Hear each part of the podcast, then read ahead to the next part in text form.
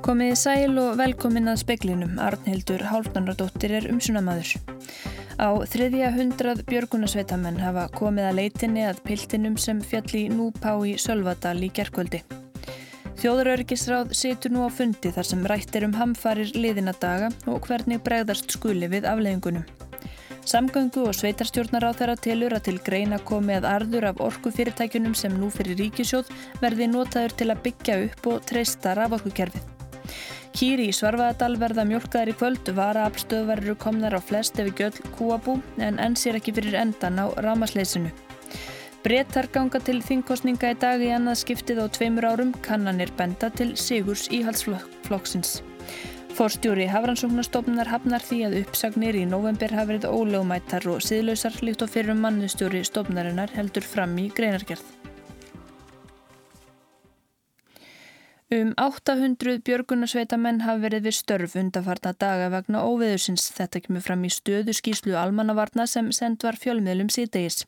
224 björgunarsveitamenn hafa komið að leitinni að piltinum sem fjalli núpá í Sölvadal í gerkvöldi.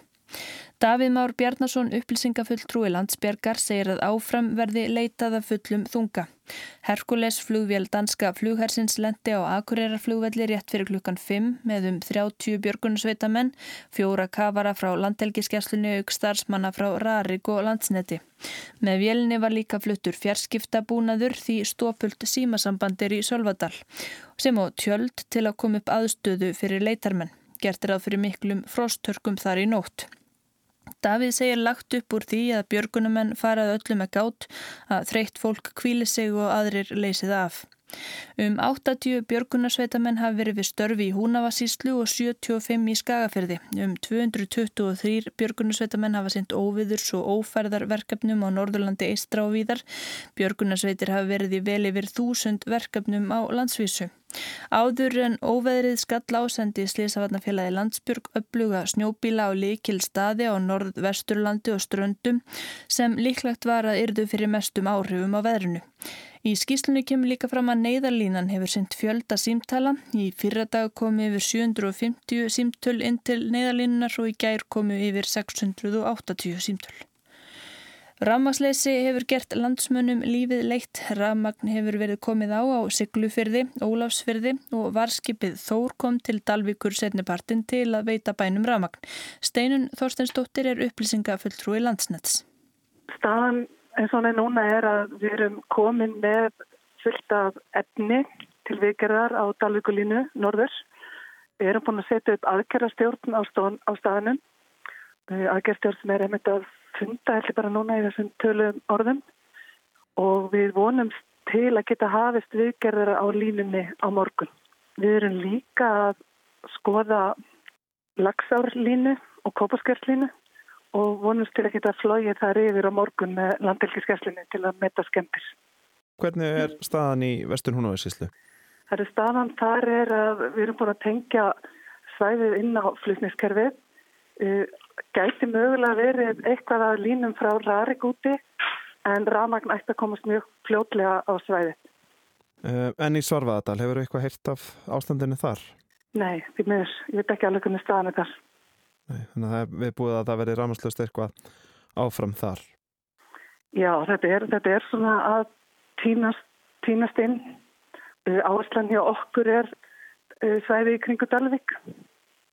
Svo er, já, Laxavirkjun, hún er óstarfhæfi vegna krapa, skilst mér. Þannig að það er eitthvað rámasleis á því svæði líka. Já, og við erum bara að vinna í að, að koma því í gagnið aftur.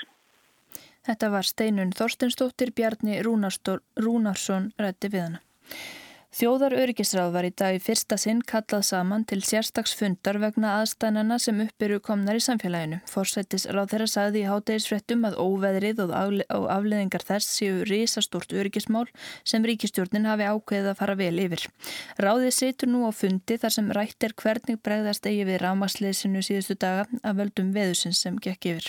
Sigurður Ingi Jóhansson, samgöngu og sveitarstjórnarmálaráðara telur að til greina komi að arður af orku fyrir fyrirtækjum verði notaður til að byggja upp og treysta raforkukerfið. Já, á sama tíma á liðnum árum, all morgum, hefum við látið orkufyrirtækin eins og Rarik, borga arði ríkisjóð og ég tel að, að það eigi að skoða það núna, hvort það þeim peningum sé ekki betur varið í að byggja upp öryggi fyrir landið allt. Sigurður Ingi gaggrinir líka að einstaklingar geti staði vegi fyrir því að raflínur séu lagðar. Og ég verði bara að segja alveg eins og er að, að þegar einhver einstaklingar sem jafnvel bú ekki á svæðinu setja fyrir sig sjónmengun af, völd, af, af einhverjum línum uh, þegar að líf og öryggi í samborgara þeirra sem búa í samfélaginu eru í húfi þá held ég að það fólk þurfa að hugsa um. Þetta var Sigurður Ingi Jóhansson, nánarverður fjallaðum rafmaksmálinn síðar í speklinu. Óvissusteg vegna snjóflóðahættu er enni gildi á miðju Norðurlandi. Þar hefur snjóað í dag og skafið til fjalla. Ofanflóðavakt viðurstofunar reknar með því að óstöðugir vindflekkar séu fjöllum og bendir á að varasamt sé að vera á ferði fjallandi og bröttum hlýðum. Veðrið á Norðurlandi gengur niður í kvöld að sögn vakthafandi sérfræðings á ofanflóðadeild viðurstofunar má gera ráð fyrir að óvissustígi vegna snjóflóðahættu verði aflétt í kvöld. Enn er rafmaslust á Dalvík og nákvæmni og mörg hús án hita. Kristján Guðmundsson, varaformaður Björgunarsveitarinnar á Dalvík, segir verkefni dagsins hafi verið mjög mörg og ólík. Við erum svona aðalega að að ná rafmagni á, á kúabúin í sveitinni með rafstöðum. Gengur misvel en, en flestir eru að koma með smá rafmagn til þess að mjölka eitthvað aðeins. Við erum búin að taka móti varskipinu það sem á að gera tilrun með að, að tengja ljósaveluna þar við sérst kerfið á Dalvik þannig að komist að ramagna á Dalvikina. En nú lítur mannskapurinn að fara að vera hann þreyttur? Já, við erum alltaf búin að keira á mannskapnum síðan uh, tíu á þriðdags morgun þannig að það er búið að nýta mikið orku en við reynum að skipta okkur niður og, og leggja okkur svona þó sé ekki nema kannski 2-3 tímar. Hver heldur að verk morgundagsins verði? Uh, það spái frosti, miklu frosti. Það er ekki allir hérna í svetafélaginu sem eru með aðganga hitautu. Þannig að okkar ágjur eru, eru bara mjög margar. Þetta var Kristján Guðmundsson, Úla Árdal talaði við hann.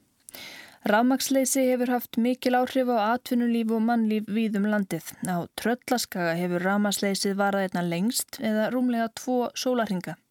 Fjöldahjálparstöðvar voru opnaðar á Dalvík, Ólafsfyrði og Siglufyrði til að skjóta skjólshúsi yfir fólk sem orði var kallt vegna rafmaksleysis.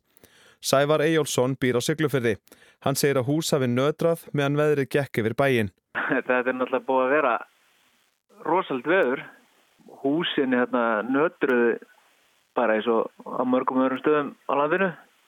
Síðan fóður náttúrulega rafmagnið af og, og hitin líka. Og hérna þannig að það búið að vera heldur kallt en þetta er búið að koma svona inn á milli. Hann segir að fjarskipti hafi leiðið niður í langan tíma eftir að rafmagnið fór. Því hafi fyllt mikið lóvisa Nei, það dætti alveg allt nett það var ekkert að ringja það var bara við vorum bara við vorum bara tínt hérna á tífambili, Viss, vissum ekki neitt. Og svo er allir hætti með hérna, það er engi með batterísútvarp þannig að við í rauninni ekki hvað var að gerast. Það er útrúlega hvað við erum orðin háður rafmagnið Þetta var Sævar Ejjólfsson, Bjarni Rúnarsson rætti við hann. Bretar ganga til þingkostninga í dag í annað skiptið á tveimur árum og hefð þriðja á síðustu fimm árum Kannanir benda til Sigurs íhaldsflokksins en dreyið hefur saman með stóru flokkunum tveimur svo tölverð spenna ríkjur um úslitin.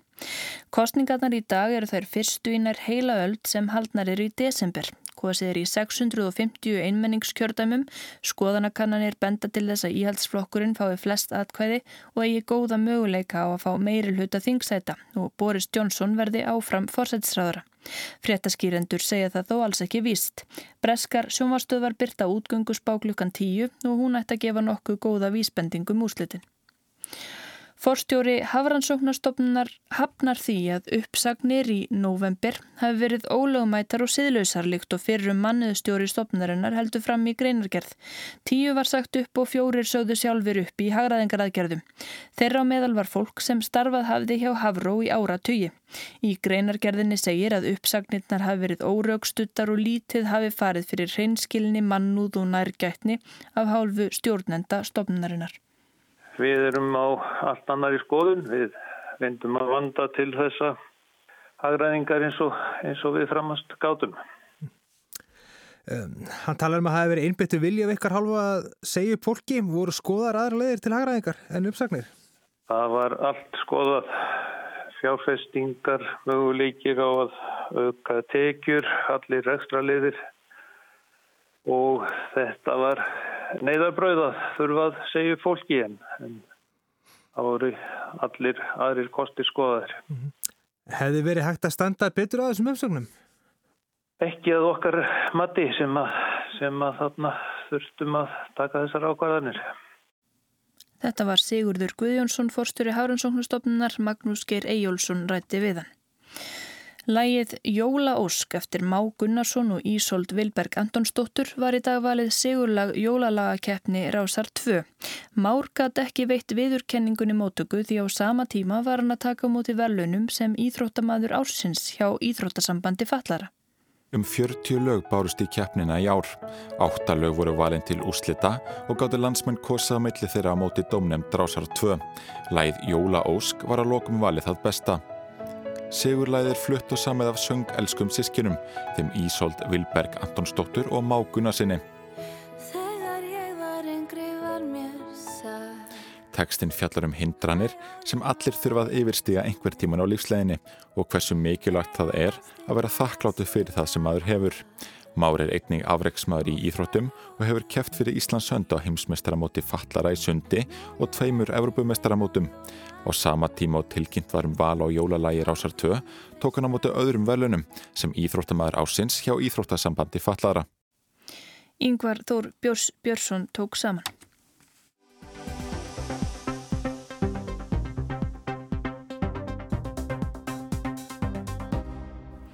Sigurður Ingi Jóhansson ráð þeirra byggðamála vill að skoðað verði hvort arður af orkufyrirtækunum verði notaður til að byggja upp og bæta dreifikerfi raforku. Hann er ekki sáttur við að einstaklingar sem beri fyrir sjónmengun geti staði fyrir lagningu raflína þegar líf og öryggi samborgar þeirra sé í húfi. Þetta ásýrun er engin fordæmi. Rætt við hérna, eldri menn sem hérna, og eldstu menn muni ekki eftir svona uh, krítiskri stöðu áður. Sagði Sverrir Ján Norrfjörðu frangvandastjóri þróunar og tæknisviðs landsneds í speiklunum í gær. Þeir sem hafa tjáð sig eru sammálum að veðri sem gekk yfir hafi verið í harkalegri kantinum. Því er spáðað í framtíðinu verði meiri aukar í veðrim og þær fekk ég hægt að útiloka að veðurófsinn er látið til sín taka aftur. Dreifikerfið skiptist í flutningskerfi sem er á ábyrði landsnets og dreifikerfi sem nokkrar veitur sjáum. Rarik er þeirra stæst með samalagt 8000 km af línum.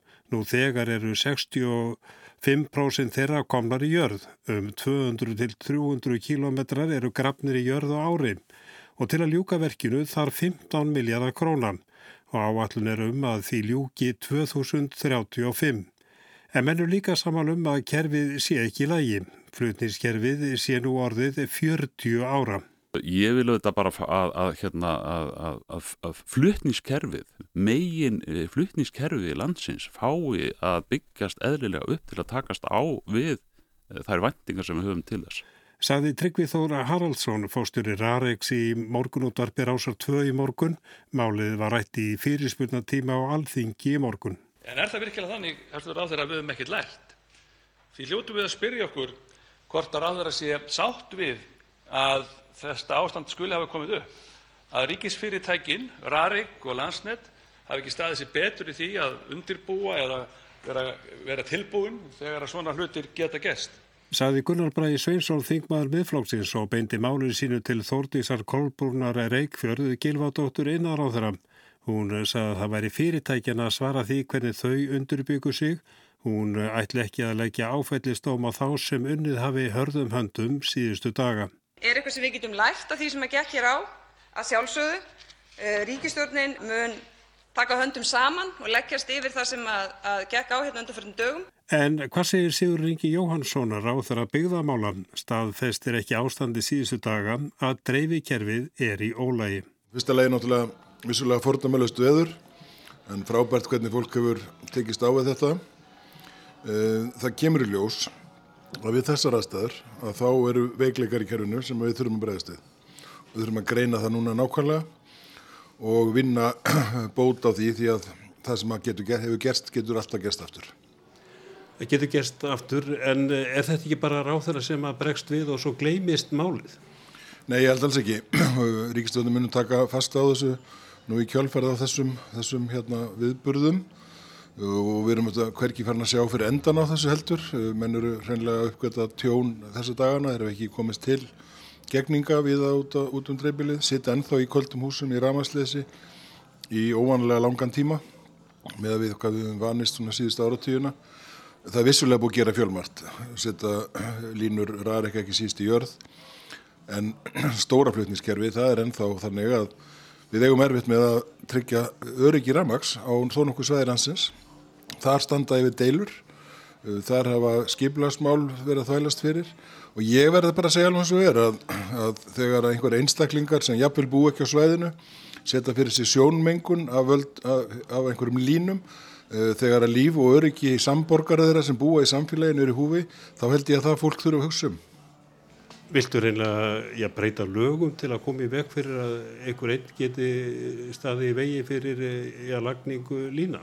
Já, við höfum verið að skoða hvernig hægt sé að takast á við þetta. Við höfum farið hérna leiðir í gegnum þingið og ástandið er betra en við erum búin að upplifa mjög langan tíma þar sem að ekki við höfum tekist að koma þessum kerfum almennilega út á land. Við höfum upplifað stórfælt tjón á, á svæðum eins og EFirði á Akureyri sem reyndar ekki var fyrir ramasleysi núna en, og vesthörðum ekki síst. Þannig að samfélagi held hefur liðið fyrir það að öryggi ramags er ekki nægilega gott og núna höfum við séð að fjarskiptin sem við erum gríðilega stolt af hvernig við byggt upp að þau hafa sem sagt robnað á völdum ramasleysis. En er ekki já, ódýrt að skella skuldin á þess að einstaklinga sem að mótmæla, hafi ekki ykkur stjórnvöld verið sofandi, er ekki ljóst að það þarf að bæta kerfið? Jú, ég er að segja, við þurfum að skoða alla þetta og einn þáttu sem við þurfum að skoða er til dæmis uh, sagt, virkun, orku í hverjum landsluta. Þannig að þú sért með orku í þínu nær umhverfi og þurfum ekki engöngu að treysta orku um langan veg. Og það er eitt af því sem við þurfum að ræða núna þessa dagana, tel ég. Þú talar um að stjórnvöld vilji bregðast við og þið ætlið að gera það. Það hefur komið fram að Rarik er að setja strengi í jörð. Til að ljúka því verki þá kostar það 15 miljardar króna. Þar sem þú ert að, að bregðast við og bæta kerfið, þetta kostar peninga. Já og sama tíma á liðnum árum, all morgum, hefum við látið orkufyrirtækin eins og Rarik, borga arði ríkisjóð og ég tel að, að það eigi að skoða það núna, hvort að þeim peningum sé ekki betur varið í að byggja upp öryggi fyrir landið allt. Ég tel með öðrum orðum sem byggðumálur á þeirra að við höfum verið svo litið sofandi yfir því að við höfum treyst á tækni, við höfum treyst á rafræna vöktun afleðing af því er að það er orðið of lítið af fólki á hverjum stað og þegar svona veður koma að þá er einfallega of fáir til staðar í heimabegð orkan ekki fyrir hendi orku flutningurinn ekki fyrir hendi og þá gengur það auðvitað ekki að, að bara treysta á Guð og lukkuna. Við verðum alltaf að reyna kljást við náttúruöflina í Íslandi það er okkar stærsta vá og hefur alltaf verið. Aðeins nánar um það, ert að tala um að já, arðurinn hjá Rarik að hann nýtist til uppbyggingar. Já, hvað með til dæmis arðin frá landsvirkjun sem að að nýta hann til að byggja upp dröfikerfið? Ég segi bara einfallega, við erum búin og talið okkur að vera að gera góða hluti. Svo kemur veður sem vissulega er fordama löst og þá kemur ljósveikleikar sem gerir það verkum að við þurfum að velta við öllum steinum. Og einn af þeim steinum er hvort að við höfum fjármagnað með réttum hætti, hvort það sé rétt að taka arð í ríkisjóð eða hvort að fyrirtækin þurfi á þessum, þessu ofberi fyrirtæki þurfi einfallega á þessum fjármunum að halda til þess að byggðin í landinu, ringin í kringu landið séu örug og lífskeiði fólks með sama hætti hvar sem þeir búa. Þú ert að tala um veiturnar, ertu líka að tala um landsvirkjum? Við getum alveg talað um landsvirkjum þessu samingi líka.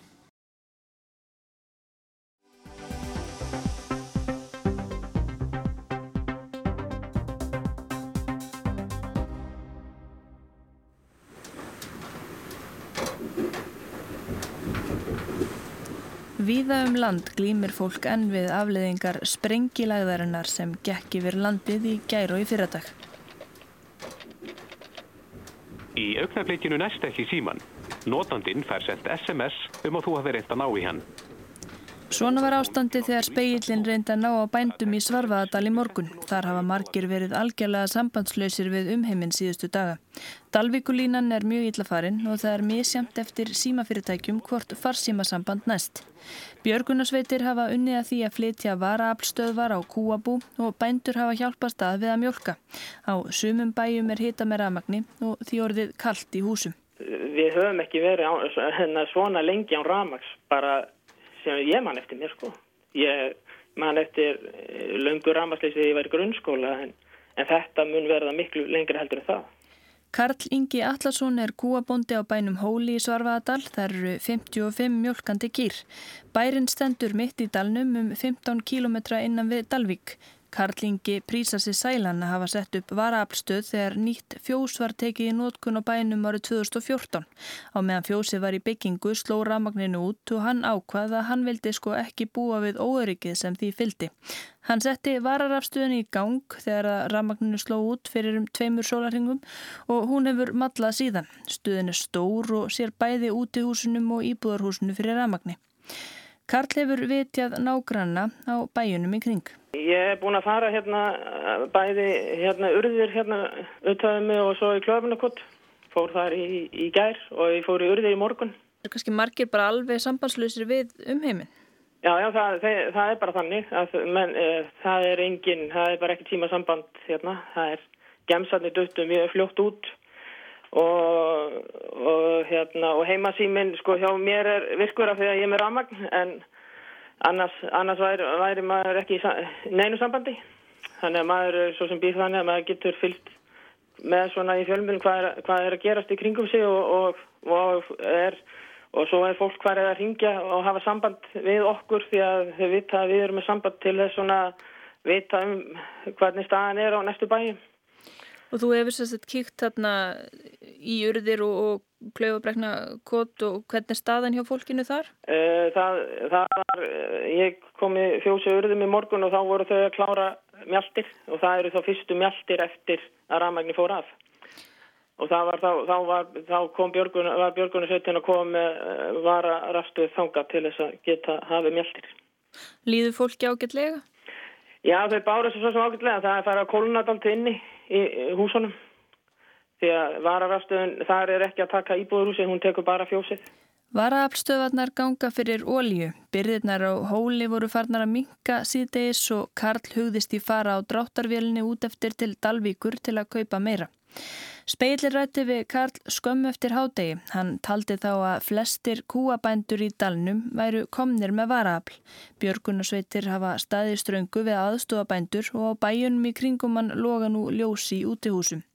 Gunsteinn Þorgilsson, bóndi á bænum Sökku, tók undir þetta. Saði setnipartin í dag að Sakka væri líklega eina kúabúið af 13 í dalnum sem ekki væri komið með varaafl. Hann var á leiðinni að sækja stöð til kunninga síns fremst í eigafyrði. Á Sökku er hátækni fjós með um 50 kúm. Ástæðan fyrir því að bændur þar voru ekki efst á forgangslistanum þegar komaði að útvega varaafl var svo að þeir fundu leið til að mjölka þrátt fyrir ramasleysið. Þau notuðu haugsuguna sem er útbúin vakjumdælu. Hér áður fyrir var nú, hérna, það er bara að nota dælur, sogdælur sem eru ramagsdrifnar en þarna gæti nota þessar sogdælur sem bara er á hugsugunni og er notið til skítaktus en dráttarvinnin drýfur hana og ég gæti segja bara tengt hana inn á kerfið í fjósinu. Kanski má kalla þetta sangkallaða skítarettingu. Þau á sökku eru búin að mjölka tvísvar með þessari aðferð og aðstóðu líka bændur á öðrum bæjum. Þetta er fljótvirkara en að mjölka í höndunum. Mjölkunum fyrst einhverja 15 kýri í höndunum meðan ég var að upphugsa þetta og hvernig þetta fælaði að breytta þessu og svona og fengum svo sem alveg nóga því það er handlegur og við erum ekki í æfingu eins og maður segir. Ástandi í Svarvaðardal fer batnandi en það er enn alvarlegt og óvíst hversu lengi rámaksleysið varir. Varskipið Þór er komið til Dalvíkur og á að nýtast sem varaaflstöð þar en Svarvaðardalur er utan seilingar vegna ástandsins á Dalvíkulínu. Bændur hafa hjálpa hver öðrum og Gunnstein segir bændur í nærsveitum þar sem ekki rámakslust hafa verið tilbúin að lána varaaflstöðarnar fyrir eitt orð. Og ég held að hafi nú allir slott eða það sem við veitum skamlaug sko hérna frá þessu þannig þetta er þetta heilmikil vandræði og allt það og minka nýtt og, og þarf að hella niður hellinga mjölk og, og það er það gott honum að við getum eða sem við getum það illa kælt mjölkina eða ekki Gunnstein man ekki eftir öðru eins veðri. Það hafi kannski blásið svona áður en ekki samhliða svona mikill í úrkomi og með kjör aðstæðum fyrir ísingu. Rafmaksstæðunar hafi fallið eins og dominókupar. Veðurhæðin var alveg gríðaleg í þessu veðri eh, og úrkoman líka. Karl segir veðrin í dalnum almennt hafa versnað. Veðrin sem við verðum að fá þau eru að verða svo miklu, sko það eru að verða miklu verri. Við erum að fá miklu meiri veðurhæð heldur en hefur nokkuð tíma fengið. Aðeins tveir bæir í dalnum voru með fullkomnar varaafls stöðvaraðsögn Gunsteins, hóll þá annar þeirra. Karl segir mörg ný hátakni fjós í sveitinni og ekki allstaðar búið að ganga frá varaaflstöðum. Gunstein veldiði upp hvort fólk hafi frestaði að kaupa stöðvar þar sem það hafi talið sér í góðum málum. Það standi til að leggja allt rafmagn í dalnum í jörð og Karl bendir á að það hafi þegar verið gert fremst í Svarvaðardal þar sem að fólk taldi mesta hættu á að stæður færu. Fólk hafið í talið sig örugt í það minnsta í betri stöðu en í gamla daga. En þetta snýst ekki bara um varaafstöðvar og einstaka bæi. Gunnstein telur að nú verði þrýst frekar á um að allar línur í dalnum verði lagðar í jörð strax næsta sömar. Og Karl segir að spyrja þurfi Rarik ímissa spurninga. Þetta veður sem var hérna, það var bara, það var ekki nein, nein, neitt venjulegt. Og, og hérna ísingin greinlega hefur verið svo rosalega að, að stórulínunar þær gáfu sér núna Já. og ég, ég hérna ég á nú frekka vona því að menn eiginu eftir að, að fá sér vara, varafl í, í meira mæli heldur en nú er og, og svo svo svona veldi maður fyrir ímsu sko, maður veit ekkert en en er kannski eins og með varafl á Dalvík og, og þessum stöðum sko er Er, er það kannski orðið ábútafant sko, hjá Rarika að, að tryggja það að, að, að þessir, þessir forvarnir séu lægi? Ég held að svona menn þurfa að spurja Rarik ímsa spurninga.